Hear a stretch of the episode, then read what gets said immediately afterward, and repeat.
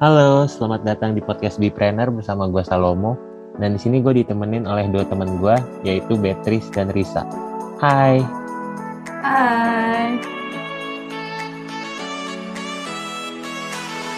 Oke, jadi pada podcast kali ini kita bakal bahas satu topik, yaitu kemitraan untuk mencapai tujuan. Tapi sebelumnya gue mau nanya dulu nih, kalian tuh sebenarnya tahu gak sih BTS itu apaan? Gue tahu sih BTS. Tahu Risa?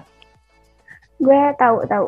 Oke, ber- berarti kalian berdua tahu ya. Tapi kalian tuh sebenarnya fansnya atau bukan? Kalau gue bukan. Gue tahu cuma nggak ngikutin gitu. Bukan Hmm, fansnya. Bukan fansnya. Gue juga bukan fansnya sih. Cuma tahu aja. Nggak ngikutin. Oh, kirain pada army juga di sini ya. Udah deh. Sebelumnya sih, gue pengen nanya aja nih. Eh, kalian pasti tahu dong kalau yang terbaru yang lagi hype banget belakangan ini nih. Antara BTS sama salah satu fast food yang terkenal, yaitu McD. Nah, tahu gue. Tahu nih ya. Tahu dong, tahu tahu. Oke, jadi gue mau nanya buat Beatrice mungkin untuk yang pertama. Menurut lu faktor apa sih yang bikin collab McD X BTS ini rame? Kalau menurut gue sih karena fansnya BTS yang banyak sih ya.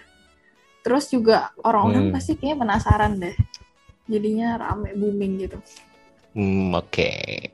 Kalau dari Risa, Gue pendapat sih sama Beatrice. Terus eh, kan selain banyak juga nih fansnya.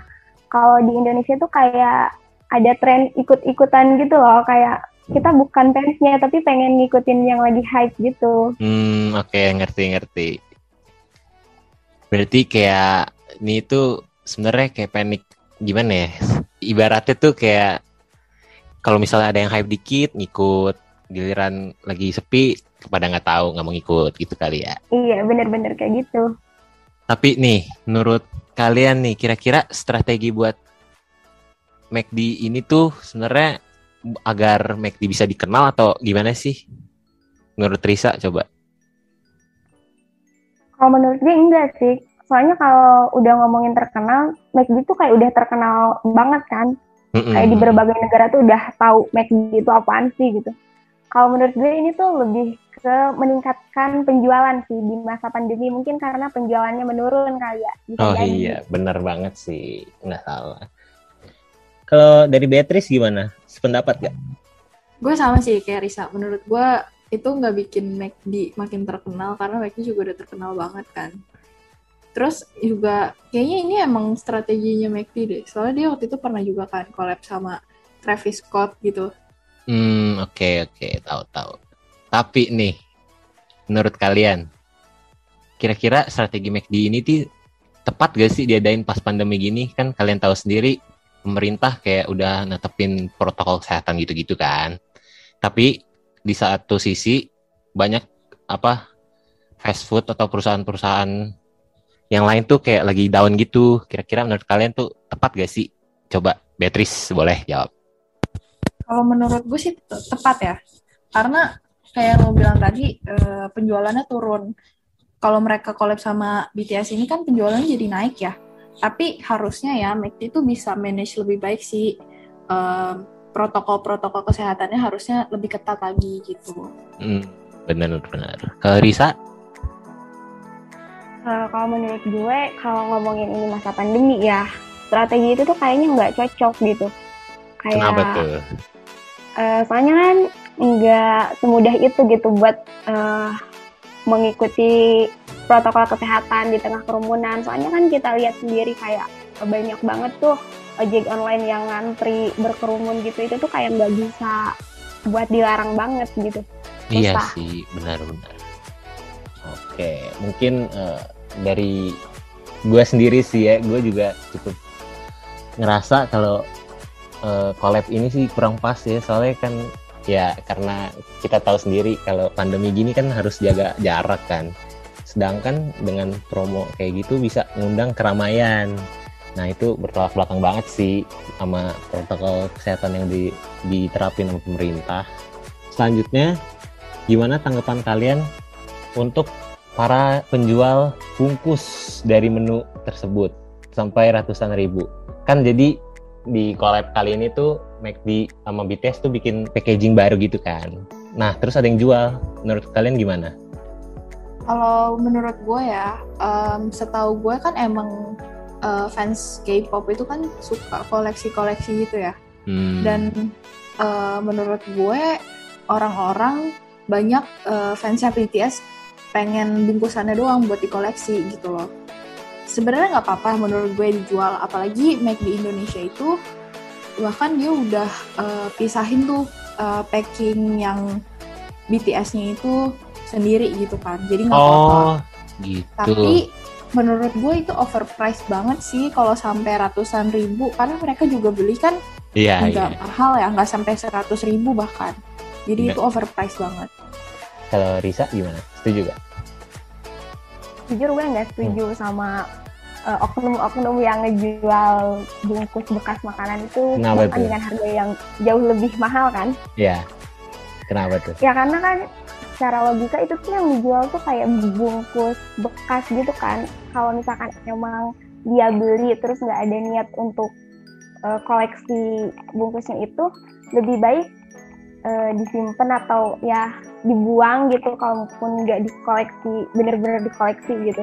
Daripada dijual dengan harga yang kayak nggak masuk akal gitu. Bahkan jauh lebih mahal daripada bungkus yang ada makanannya yang Iya. dijual oleh McD gitu kan Bener sih. Gue juga sebenarnya sependapat sama Risa sih. Jadi kayak buat apa juga buat eh, beli bungkusnya doang gitu loh kayak makanannya aja nggak dapet.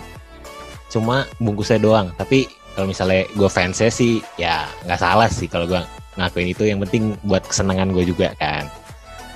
Selanjutnya nih, gue mungkin bakal agak out of topic sih, tapi masih relate dikit lah ya. Nih, kan tadi topik kita tentang kemitraan untuk mencapai tujuan. Nah, dalam rangka menjalin kemitraan, menurut kalian dari pendapat pribadi masing-masing lebih oke untuk kerjasama yang hype tapi cuma jangka pendek atau eh, kerjasama yang biasa aja sih, cuma ini bisa berlaku untuk jangka panjang. Dari siapa ya enaknya ya? Beatrice kali, boleh duluan.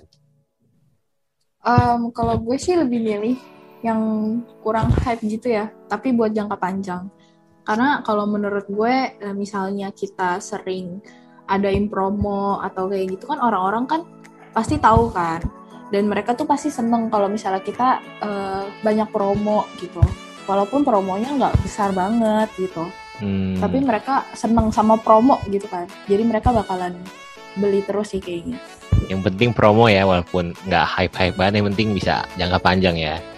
yoi Oke. Kalau Risa gimana Risa?